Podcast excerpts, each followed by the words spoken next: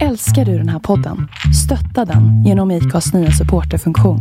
Det är helt upp till dig hur mycket du vill bidra med och det finns ingen bindningstid. Klicka på länken i poddbeskrivningen för att visa din uppskattning och stötta podden. Even when we're on a budget we still deserve nice things. Quince is a place to scoop up stunning high-end goods for 50 to 80% less than similar brands. They have buttery soft cashmere sweaters starting at $50, luxurious Italian leather bags, and so much more. Plus, Quince only works with factories that use safe, ethical, and responsible manufacturing. Get the high-end goods you'll love without the high price tag with Quince. Go to quince.com slash style for free shipping and 365-day returns.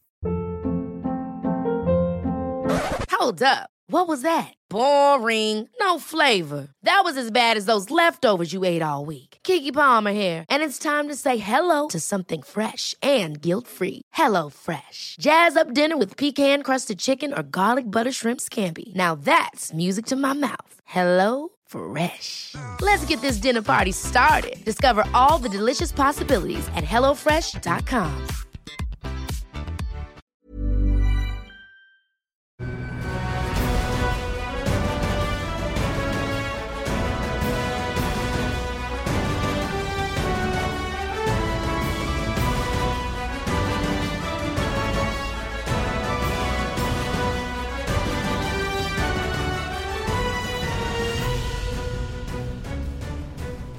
Hej och välkomna till eh, den sjunde MotoGP-podden för säsongen med eh, Lion Mårtensson. Det är eh, än så länge sommaruppehåll och det stundar GP-helg alldeles strax i Brno. Halvvägs i säsongen Andreas och under det här långa uppehållet framförallt, och vad har du funderat på då? då? För att jag antar att det inte bara är motorcyklar i huvudet?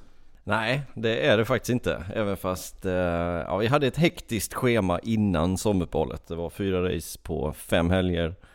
Sen slappnar man av ett par veckor och nu så har jag känt suget ett par veckor också. Att nu får det dra igång igen efter lite semester här. Mestadels har jag jobbat lite grann. Eh, varit i Italien också på en liten semestertripp och sen har jag byggt lite på huset hemma. Vad har du själv gjort? Ja, jag har också lyckats. Eh, jag lyckades ju faktiskt tajma eh, Ibiza samtidigt som, samtidigt som en stor del av MotoGP förarna var där. Fast vi var dock inte på samma jakter. Det var lite synd där att man inte hade tillgång till deras båtar mm. kanske. Vad hade du för jakt då? Ja, jag var på privat jakt. Jag var... Nej, det var faktiskt bröllop. Jag var på bröllop. Eh, och ja, det var trevligt. Tre dagars bröllop. Stort bröllop och eh, många gäster. Och, Ja, mycket trevligt. Det var, det var någon gammal racepolare med va? Som mm, det var en gammal endurance-polare där. Vi har kört en hel del 24 timmars lopp ihop. Och jag undrar vilket som var svårast för honom. Att köra de där loppen eller att stå inför altaret. Men jag tror att han, han klarade, han, klarade det bra. Ja, hyfsat. Men eh, han trivdes i, i rampljuset också. Så att det var, ja, det var bra. Som du då? Tycker du att jag gör det? Nej, ja, det gör du men eh, jag... Eh, nej men det var, det var en skön, eh, av, ett skönt avbrott. Sen har jag faktiskt hunnit med att cykla lite i fjällen. Jag har kommenterat en massa speedway. Ja, det var lite action också, blandat. Och sen har jag läkt min kropp här från början av sommaren. Det är fortfarande så har det varit icke badbar arm. Ja, ja ditt lilla 5 cm sår där. Du kan väl bada? Det spelar väl ingen roll? 5 cm djupt ju. Nej, nu överdriver du. Ja, det gör jag faktiskt. Ja, nej men det var en bra mix. Jag känner också suget nu efter, efter. Och det blir det ju med, eh, med Tjeckien då, som stundar precis. Men eh, jag tänker på, jag har faktiskt försökt att hålla mig lite grann i form också. Det verkar som att förarna har blandat och gett här också med ledighet, men en del träning också. Det, det, det krävs ju inför eh, andra halvan av året. Visst gör det så. Några förare har ju varit på Brunå till exempel som stundar. Bland annat Repsol Honda har varit där och testat och eh, jag följer dem på sociala medier. De har haft ganska mycket semester också. Det kan man inte ta ifrån dem. Men du, Marcus som vann på, på Sachsenring sista racet där. Det, det, han fortsätter ju att dominera där. Nu har de varit och testat på Bernov. Tror du att det kan ge någonting för, eh, för det här racet som mm. stundar? Det tror jag faktiskt. Han är ju generellt sett han stark där. Eh, och gjorde ett grymt race i, i Sachsenring. Han blev inte av med Folger. Till att börja med i alla fall. Men sen när det var tre, fyra varv kvar då orkade inte Folger och hålla i ordentligt utan han kunde inte ha segern. Vad var det? Åt, sjunde året i rad. Ja, eller till och med åttonde Eller kanske. till och med åttonde ja. året i rad. Ja, ja, nu blev jag osäker där, men det är många år i alla fall. Ja, det är alla, mot, alla i MotoGP åtminstone och det är ju femte säsongen nu va? Mm. Och sen har han två i Moto 2 och en i 125 tror jag. Mm. Sju då. Mm. Helt otroligt. Nej men det, alltså det hjälper ju alltid till när man har varit på en bana bara några veckor innan racet att, och testat på den banan. Fått till inställningarna och testat ut precis vad man behöver testa så att de kan ju börja på en bra setup redan på fredag. Så han dessutom tagit över eh, VM-ledningen. Det är första gången den här säsongen som, som Marcus leder. Och vem trodde det efter de två första racen när han blir fyra i premiären? Ja, och sen var det dessutom eh, krasch i Argentina. Exakt. Att, eh, ja, han var långt efter direkt. Och dessutom Vinales som vann de två inledande tävlingarna och eh, ja, vad har vi nu? Jo, då har vi Marquez i täten och Vinales två. Det är starkt av Marquez att ha gjort den här comebacken som han har gjort den här säsongen. Det är de två som toppar antal pole, antal segrar. Eh, Vinales har faktiskt en seger ytterligare förutom eh, ja, Marcus då som har två. Eh, I övrigt så är det jämn fördelning där med Dovizioso på tredje plats, två segrar och sen har Rossi och Pedrosa varsin seger. Men eh, om vi då tittar på den här historiskt jämna VM-tabellen där det bara skiljer 10 poäng mellan eh, topp 4 och 26 poäng ner till Pedrosa på, på, på femte plats. Så är det en extremt spännande fortsättning på året. Absolut, och det är ju fem förare som har vunnit race i år dessutom. Och äh, jag ser väldigt mycket fram emot den här andra delen av den här säsongen. Nio race kvar och mycket kan hända. Marquez just i ledning och så Vinales. Det känns som att de är de starkaste när det fungerar för dem. Men det har inte fungerat för dem alla gånger. Och, och då kan de andra tre vara med att utmana på ett helt annat sätt. Men vi ska inte glömma Doviziosos kanonkörning som han gjorde två race i rad. Både Mugello. Speciellt Mugello vill jag framhäva där för att där var det ändå Det var på lika villkor i Barcelona också Men Barcelona var så hett där nere Och dåligt fäste, Yamaha hade stora problem Eh, Det hade de inte på det sättet i Mugello Nej. Så jag vill framhäva Mugello som en liten Ännu större seger där än vad Barcelona Barcelona gjorde det jättebra men han behövde ju Som han sa själv, han behövde inte ens ta i för att vinna det här racet Nej, nej, det var häftigt att höra faktiskt efteråt. Hur, eh, hur han kunde välja sina tillfällen och trycka på lite extra. Ja, Om vi tittar då på, på eh, förarsituationen generellt här då i eh, mästerskapet. Vi har de två förarna hos eh, Repsol Honda med Marcus då i VM-ledning och sen eh, Pedrosa på femte plats. Hur eh, ser det ut framåt för deras del? Ska vi ta denna säsongen eller ska vi ta framåt? Ja, vi, kan ta, vi kan ta lite om hösten och sen tänka också hur ser det ut med deras kontrakt också framöver? Båda Repsol-förarna har ju kontrakt till nästa år också, över 2018. Eh, Pedrosa tycker jag har, han har inte riktigt kommit upp i den höga nivån som man brukar göra. Har haft lite tungt vissa banor där inte däcken fungerar. Jag tänker speciellt på Assen där han inte var någonstans. Marcus har ju också varit lite upp och ner. Nu har det varit mer upp i slutet. Han gjorde något misstag i början där, speciellt Argentina som vi pratade om. Men ledarmästerskapet är ju med beröm godkänt. Mm. Och jämfört med eh, Movistar Yamaha då som är Yamahas fabriksteam med Rossi och eh, Vinales. Hur ser deras kontraktssituation ut och även eh, tänker du kring fortsättningen på den här säsongen? Samma sak där, de har ju kontrakt över 2018 båda två. Eh, alltså över nästa år, så att där händer ingenting. Eh, Rossi, jämnheten själv hela tiden. Han fick ett nytt chassi till Assen, då vann han direkt. Det ska bli intressant att se om, om det hjälper honom nu andra delen av säsongen. För förra racet på Saxering, Saxering är en speciell bana. Eh, han hade problem under hela helgen med den hojen som nya chassit satt på. Den stannade två träningar i rad, eller två, ja, både- både FP1 och FP3. Eh, och det, det hjälper ju inte till, speciellt inte på den här nivån. Så hjälper det verkligen inte till att hojen stannar och man tappar värdefull träningstid och, och, och sådär. Eh, så, det, så nu när vi kommer till Benoit ska det bli väldigt intressant att se om hans form från assen håller i sig. Det är inte alls omöjligt att det kan göra det, speciellt på det nya chassit. Sen blir jag lite frågande då till eh, en sån bana som eh, står för dörren veckan därpå med eh, Red Bull Ring i Österrike där, där Yamaha var klart eh, efter. Eller så var det så att eh, Ducati var särskilt starka helt enkelt. Mm, så var det ju. Eh, visst var det så. Går vi till eh, Vinales så eh, gjorde han en lysande inledning på säsongen. Försäsongstester, han tappade, toppade allihopa. Han vann de två första racen. Ja, så gick det lite... Så vet jag inte riktigt vad som hände där. Sen kraschade han, han visste inte riktigt varför i, eh, i Texas. Och sen har det varit lite blandat och gett. I Jerez så var de ingenstans, båda Yamaha-förarna. Barcelona var de ingenstans och sen har de toppat det med lite bättre resultat ibland. Så att vi minns ju till exempel Le Mans när båda Yamaha-förarna slogs om segern ut på sista varvet.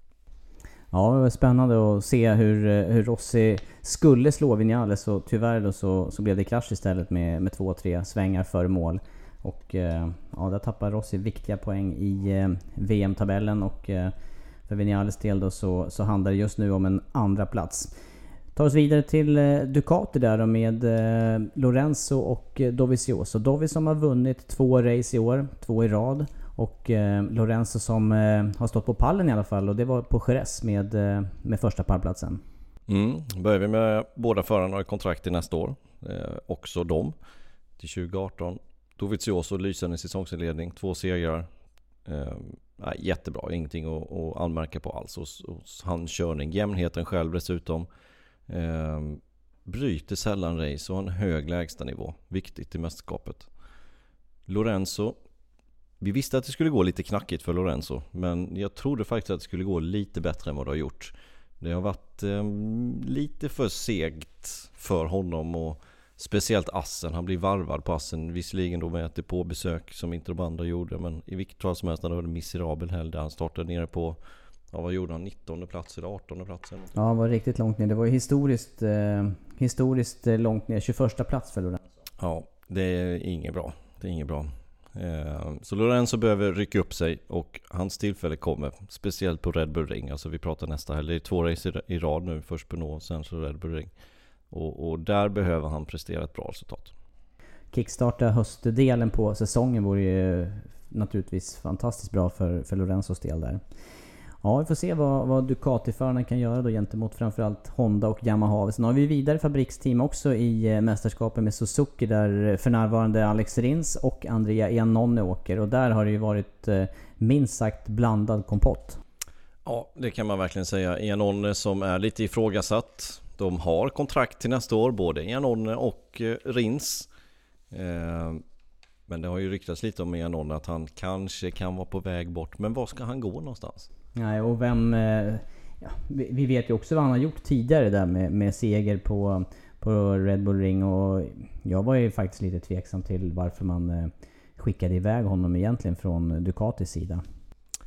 Ja, men Dovizioso är ingen dålig förare heller. Nej, det är helt och riktigt. har han lättare att samarbeta till exempel så varför inte? Nej, det, det, I vilket fall som helst var det en andra styrning som stod på spel när Lorenzo kom. Ja. Men det är det som snackas om också i år i eh, Suzuki-teamet där. Hur, hur, väl, eller mindre väl, eh, Janone och hans eh, stab jobbar helt enkelt. Arbetsmoralen. Ja. Absolut. Men, men frågan är om de väljer att bryta med Janone. Var ska Janone ta vägen till nästa år till exempel? Det finns inga styrningar som är som är, det finns inga fabriksstyrningar. Det finns en plats kvar hos Prammat Ducati. Kommer han gå till Ducati igen? Det känns väl ytterst tveksamt. Han har kört i Pramac dessutom, så gå tillbaka till det teamet. Ja, det känns inte så, så troligt. I övrigt så, så finns det finns en styrning jämte, jämte Crutchlow. Nu är ju andra rykten som andra förare där. Eh, annars är det Mark VDS, Aspar eller Avintia och då är det Ducati två utav dem. Mm. Han har ingenstans att ta vägen. Nej, nej, det är om han, eh, som du säger, väljer att gå åt sidan. Men om, om Suzuki skulle få för sig och göra sig av med Janone då? Det kan ju vara så också. Mm. Han har ju fortfarande ingenstans att vägen. Nej, men det struntar, struntar i Suzuki. Vem ska man fylla på med där? Nej, finns, det, finns det någon att ersätta honom med? Ja, det är en bra fråga. Det, hade, de, det är ju ingen direkt jättebra förare att ersätta honom med när han var borta, eller när Rins var borta. Nej. Då tänker jag på Tsuda och, och Guintoli. Guintoli. De gjorde det jättebra. Men det är ju ingen förare som tar poäng eller topp 10 placeringar. Nej. Nej, komplicerad situation och särskilt också med, eh, med Rins skadeläge här. Han tappar ju i princip halva säsongen. Mer än hälften av det som har gått har ju han varit borta från, från sin styrning. Mm. Både Rins och eh, Janone har kontrakt för nästa år. Och mitt tips det är att Janone kommer bli kvar. De har haft, de, de har haft lite ja, argumentation om hans arbetsmoral och så vidare. Men jag tror att nu har nu har folk sett det så att säga. Nu kommer Janone steppa upp just den delen så att ingen har att gnälla på den grejen. Och sen så tror jag det, det är mentalt lite knäckande för Janone. Jag tror det. Han går från en, en cykel som håller på att utvecklas och bli bättre och bättre och bättre. Han tog en seger förra året. Första segern för Ducati på hur många år som helst. Eh, och sen får han kliva åt sidan. Men han vet att innerst inne så är han kanske bättre än Dovizioso just på ett varv och, och snabbheten. Man får ändå kliva åt sidan. Och han kommer till en cykel som inte alls levererar det som han vill.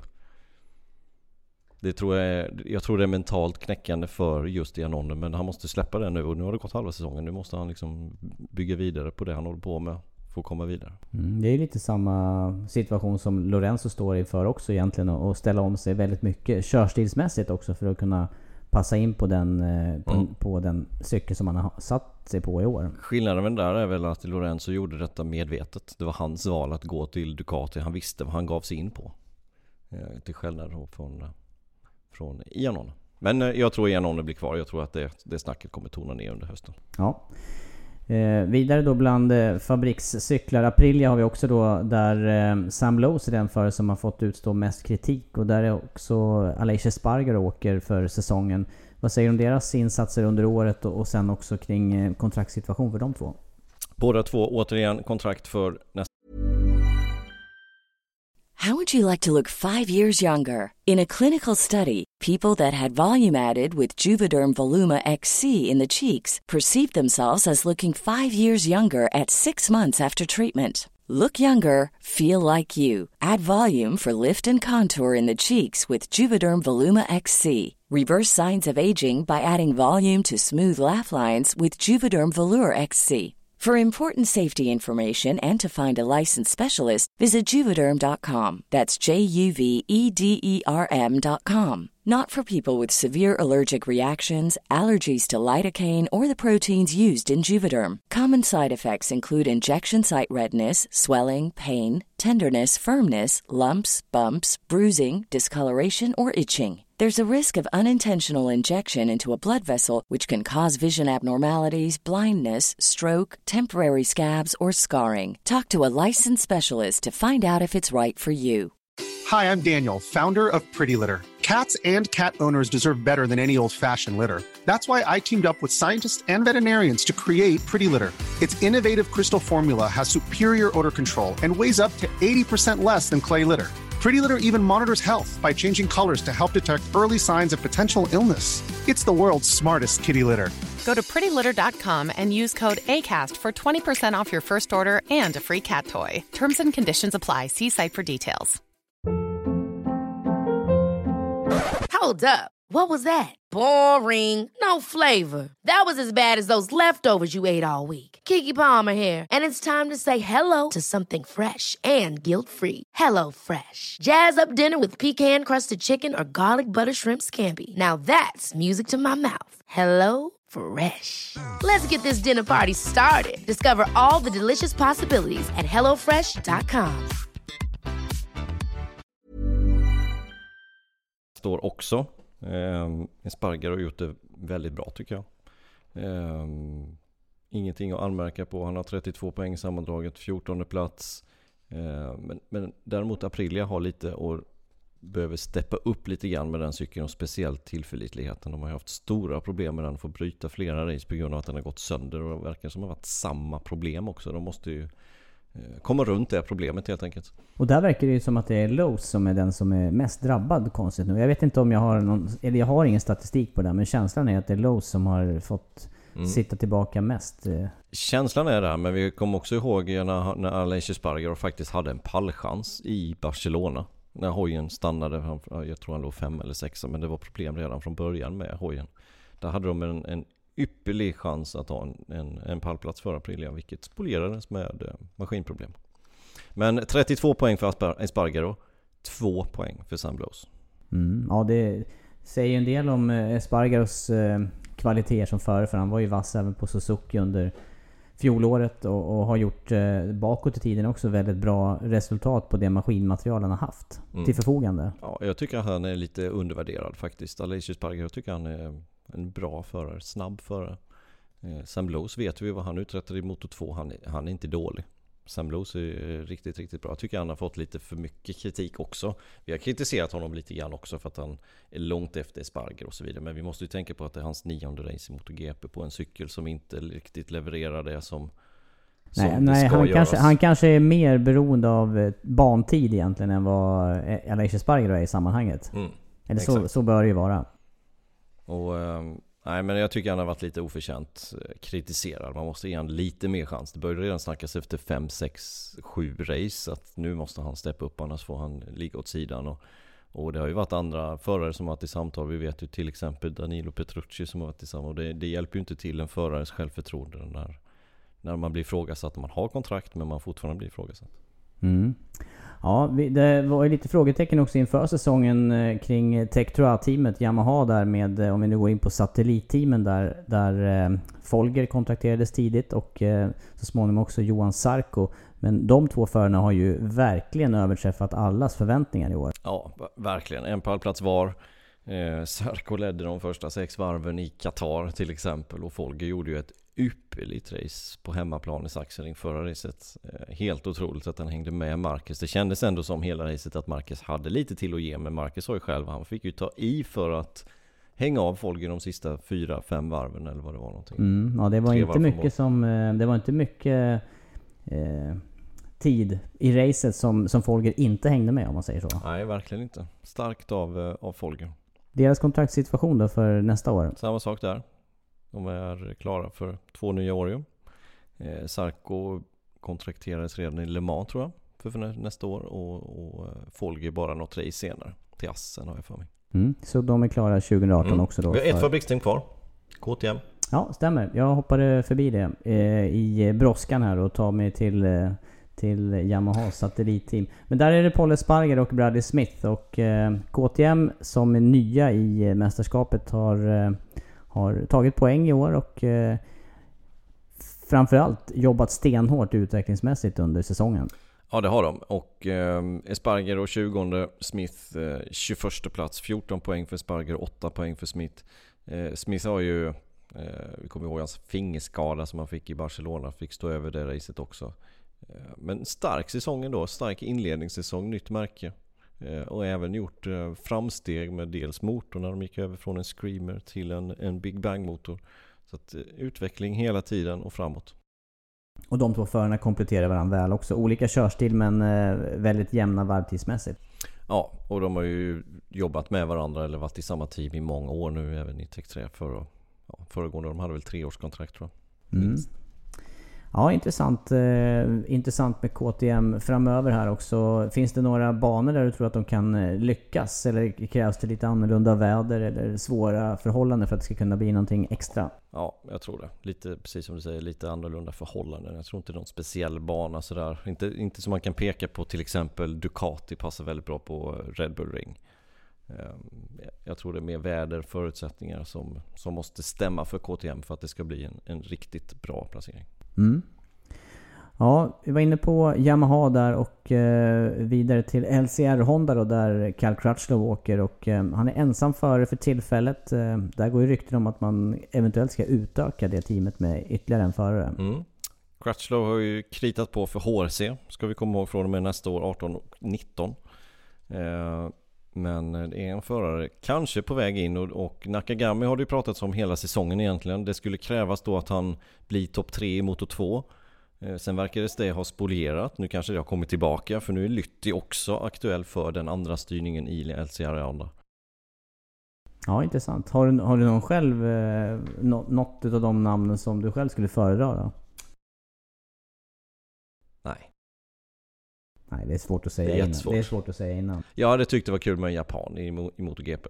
Och, och Lytti känns, även fast han ligger bra till i mästerskapet så, så känns det inte som att han kommer, ja, jag vet inte. Men, men eh, jag, jag hade föredragit en japan. Klart i alla fall att man jobbar för att eh, ha två förare hos LCR Honda då. Eh, Pramac Ducati, där har vi en förare klar. Det är eh, Danilo Petrucci för eh, kommande säsong och just nu så åker han bredvid eh, Scott Redding och där har det varit ganska så stor skillnad resultatmässigt för de två. Ja det har det. Vad har vi? Redding har vi på en trettonde plats i mästerskapet, 33 poäng. Samtidigt som vi har Petrucci på en åttonde plats på 66. Så det är alltså hälften av var, var, ja, dubbelt så mycket helt enkelt som, eh, som Petrucci har jämfört med Redding. Nu ska vi komma ihåg att Petrucci åker på i princip fabriksmaterial GP17 jämfört med Redding som åker GP16. Eh, och Petrucci är klar för nästa år. Han ska åka en ny Ducati blir det ju nästa år, en GP18 blir det Samtidigt som den andra Pramac-cykeln kommer bli då troligtvis en, en GP17. Eh, men, men stark säsong av Petrucci, det går inte att säga någonting annat. Jätte, jättestark. Racet på Assen. Jag led lite med han. Hade inte Rins kommit i vägen där, han hade legat lite närmare Rossi, så skulle han kunnat utmana om segern där faktiskt. Mm, det var en sån känsla jag hade också att eh, det, här är, det här är Petruccis race. Mm. Hade vi det verkligen? Ja, jag kände nog det. Jag vet inte om jag sa det, men eh, annars en efterkonstruktion då. Men eh, han var ju, han hade ju inga problem att åka med bakom Rossi i alla fall. Nej, det hade han inte. Och jag har för mig att vi pratade om de här varvningarna i slutet utav racet, att de kan komma att bli avgörande. Ja, det blev de för hans del. Ja, det blev de verkligen. Men eh, Petrucci alltså klar vidare och sen då en öppen eh, plats så långt för att man har inte förnyat med Redding som det är nu. Nej, de har inte gjort. Eh, däremot så ryktas Miller och var aktuell för den styrningen. Miller som eh, ryktades starkt i början på säsongen att förlänga med Mark Virjas, hans nuvarande team. Sen i slutet eh, utav första halvan innan sommaruppehållet så ryktades det starkt åt Ducati. Ingenting är klart där. Och det kan nog bero på Millers medverkan i Suzuka 8 timmars som gick i helgen. Han kör ju för Honda där och då är det kanske lite snett att gå ut och köra. Man säga att man har skrivit på för Pramac Ducati precis innan ett sånt race. Mm, ja, det är svårt att veta vad de här valen med, med extra styrningar ger i slutändan då. då. Det var ju Suzuka och eh, jag för mig att eh, inte blev någon pallplats för dem. Det var lite problem Nej, för, fyra. för det fyra teamet. Mm. Ja. Det var Yamaha i alla fall som tog sin tredje raka där. Helt otroligt. Mm, det var helt otroligt. Tre raka segrar för Yamahas fabriksteam. Mm. Nakasugawa. Ja. Alex Lowe's. Ja. Och, och van der Mark. Van der Mark. Ja. Starkt. Ja, väldigt starkt. Eh, med tanke på hur mycket som kan hända på de där loppen och hur hårt alla satsar. Jag tittade faktiskt någon stint där med, med, med Lowe's. Han körde riktigt hårt. Han höll sig på hjulen. Han gjorde ju det. Han satte ju till och med nytt, eh, nytt banrekord. Alltså race, bästa racevarv någonsin. Mm. Var lite svalare än, än vad det varit de andra säsongerna. Alltså det där har ju några förare roat sig med också i sommaruppehållet. Och varit i Japan ett par gånger och tränat först och sen så... och kört sig helt slut här under helgen som var. Hur, hur orkar de? Ja, det där, det där frågar jag om det är egentligen eh, korrekt val när det handlar om att sen då ta sig tillbaka. I alla fall om det är en sån här fullvarm, ett fullvarmt race där. Jag har ju varit där bara och hjälpt till ett år och det var absolut tillräckligt. Ja, och så direkt från Japan nu denna helgen och sen så är det Brno i helgen. Mm. Och därefter Red Bull Ring då. Och så är det väl en, jag vet inte hur många, hur många timmar är det till Japan? 10 timmar? Ja, ungefär här. 10 timmar tidsskillnad. Mm. Ungefär Stockholm, ja. Ja det blir ja, samma, det blir, det blir samma till Tjeckien. Ja, det, Alex, det var alltså Alex Loos vi pratar om nu. Tvillingbror till Sam Loos. Ja, de ska ju tillbaka i och för sig och köra Superbike-VM där. Exakt. Så de har väl också eh, åtaganden vad det lider. Men eh, om vi kollar vidare då. Det är bara ett par, tre team kvar och eh, vi var inne på Mark VDS där Franco Morbidelli klar och eh, sen då frågetecken kring eh, nästa plats. Ja, det verkar inte som att Rabatt får fortsätta som köra nu. Eh, Miller vet vi inte heller. Det kan bli att Miller förlänger med eh, Mark VDS och, och Rabatt får säga, ja, får se sig om, om en annan styrning. Vi vet inte. Den är öppen den platsen. Mm, det är Honda styrning det handlar om i alla fall där i, i det teamet. Eh, och sen har vi då kvar Aspar och Avintia. Och eh, Aspar-teamet, där vet vi att eh, Alvaro Bautista har skrivit ett nytt kontrakt och Bautista har gjort riktigt bra racehelger under säsongen. Ja det har han gjort. riktigt stark. även nu senaste racet i, i Sachsen innan blev sexa. Och gjort väldigt bra resultat och bra kvalresultat. Hade kvalade fem också i, i Mugello. Så att, ja, Starkt av, eh, av Bautista och han har förlängt och eh, ska köra en eh, GP17-cykel nästa år. Alltså fjolårsmodellen blir det ju då. Sen är det en öppen styrning där som ingen har signat för än. Idag har vi ju Abraham på den styrningen. Han kanske förlänger, kanske inte. Vi vet inte. Inte klart. Men troligtvis så blir det ju en, antingen en GP16 eller en GP17 cykel tillgänglig till andra föraren i Aspar. Mm. Vad det gäller eh, Avintia sen då, för närvarande så är det eh, Barbara och Bass som kör där. Ja, ingenting klart där heller. Ehm, det sägs att de ska få tillgång till kanske en GP17 och en GP16 eller så blir det två stycken GP16 för det teamet. Ehm, Bass, Barbara som har haft en tung säsong, väldigt väldigt tung säsong, passar inte alls på den här GP16 han kör. Ehm, däremot Bass på sin GP15 tycker jag har gjort riktigt, riktigt bra faktiskt. Vi har ju Bass på en 15 plats i mästerskapet. Han ligger alltså bara en poäng efter en sån som Aleix Sparger och till exempel två poäng efter Scott Redding. Mm. Eh, så att Bass riktigt, riktigt bra i säsongsinledning tycker jag. Ja. Ja, en hel, en hel massa förare och team att gå igenom här och det är nio race som återstår av året och ett historiskt jämnt mästerskap med 10 eh, poäng som skiljer topp 4 åt och 26 poäng som, som skiljer topp 5 åt. Och eh, ja, det är verkligen helt öppet då inför den här racehelgen på Brno. Du höjde när vi eh, eh, pratade innan här ett varnande finger för Mark Marquez eventuellt då med tanke på att de har varit och testat Eh, under sommaren här med Repsol Honda-teamet. Ja, jag tror han blir stark. Riktigt, riktigt stark. Brukar han vara på Benoit och eh, nu har han varit och testat dessutom. Han leder mästerskapet. Han, han verkar ha liksom flowet i sin körning just nu och jag tror han blir svårstoppad faktiskt. Vad tror du själv? Ja, det, med förra året färskt i minne också så var det ju svajiga väderförhållanden och eh, det skulle kunna vara så nu på söndag också. Det är varmt i Europa och det kan komma att bli regn någon gång under helgen. Blir det under racedagen där, då blir det ju kanske igen sånt här race där man, där man ska stå och välja däck på, på griden. Och då var det Crutchlow före Rossi. Eh, vem, vem, blev, vem, vem blev trea då? Who got third? Jag vet inte vem som blev trea där. Nej, Marcus blev trea. Mm, förra året. Ja. I de, och vi ska faktiskt dit. Ja, det är ju ännu mer intressant ja, vi ska såklart. ju dit. Ja, vi ska det, ju till Brno. Ja, det är superspännande alltid. Och, och det, är ett, det är ett väldigt eh, roligt ställe att besöka. Och en sån bana där man också får eh, uppleva cyklarna gå fullt. Jag tänker på jämförelsen då med, med Sachsenring senast där det, det är mycket kvartsgas och tre kvartsgas och halvgas runt den banan. Men på Brno så är det framförallt klättringen tillbaka upp Exakt, mot depåområdet. Sista, sista backen upp till sista ja, vänster-höger kombinationen. Mm, ja, den, är, den, eh, den, kräver effekt. Ja, det kräver effekt. Och så är det dessutom tester efter på måndagen där. Mm.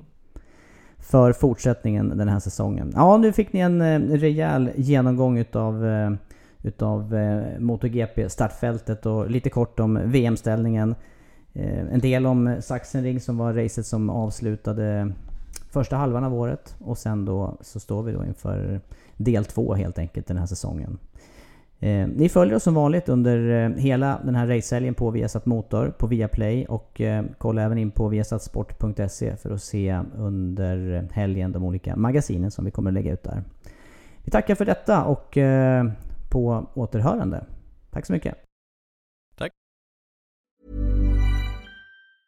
Hey folks, I'm Mark Marin from the WTF podcast and this episode is brought to you by Kleenex Ultra Soft Tissues your ally to help tackle your allergy symptoms this season. I love the change of seasons, but nobody loves pollen and all those other things floating in the air that make you sneeze during this nice weather. Kleenex Ultra Soft tissues are hypoallergenic and allergist approved. So fight back against watery eyes and runny noses without worrying about irritating your skin. For this allergy season, grab Kleenex and face allergies head on. Hold up. What was that? Boring. No flavor. That was as bad as those leftovers you ate all week. Kiki Palmer here, and it's time to say hello to something fresh and guilt-free. Hello Fresh. Jazz up dinner with pecan-crusted chicken or garlic butter shrimp scampi. Now that's music to my mouth. Hello Fresh. Let's get this dinner party started. Discover all the delicious possibilities at hellofresh.com.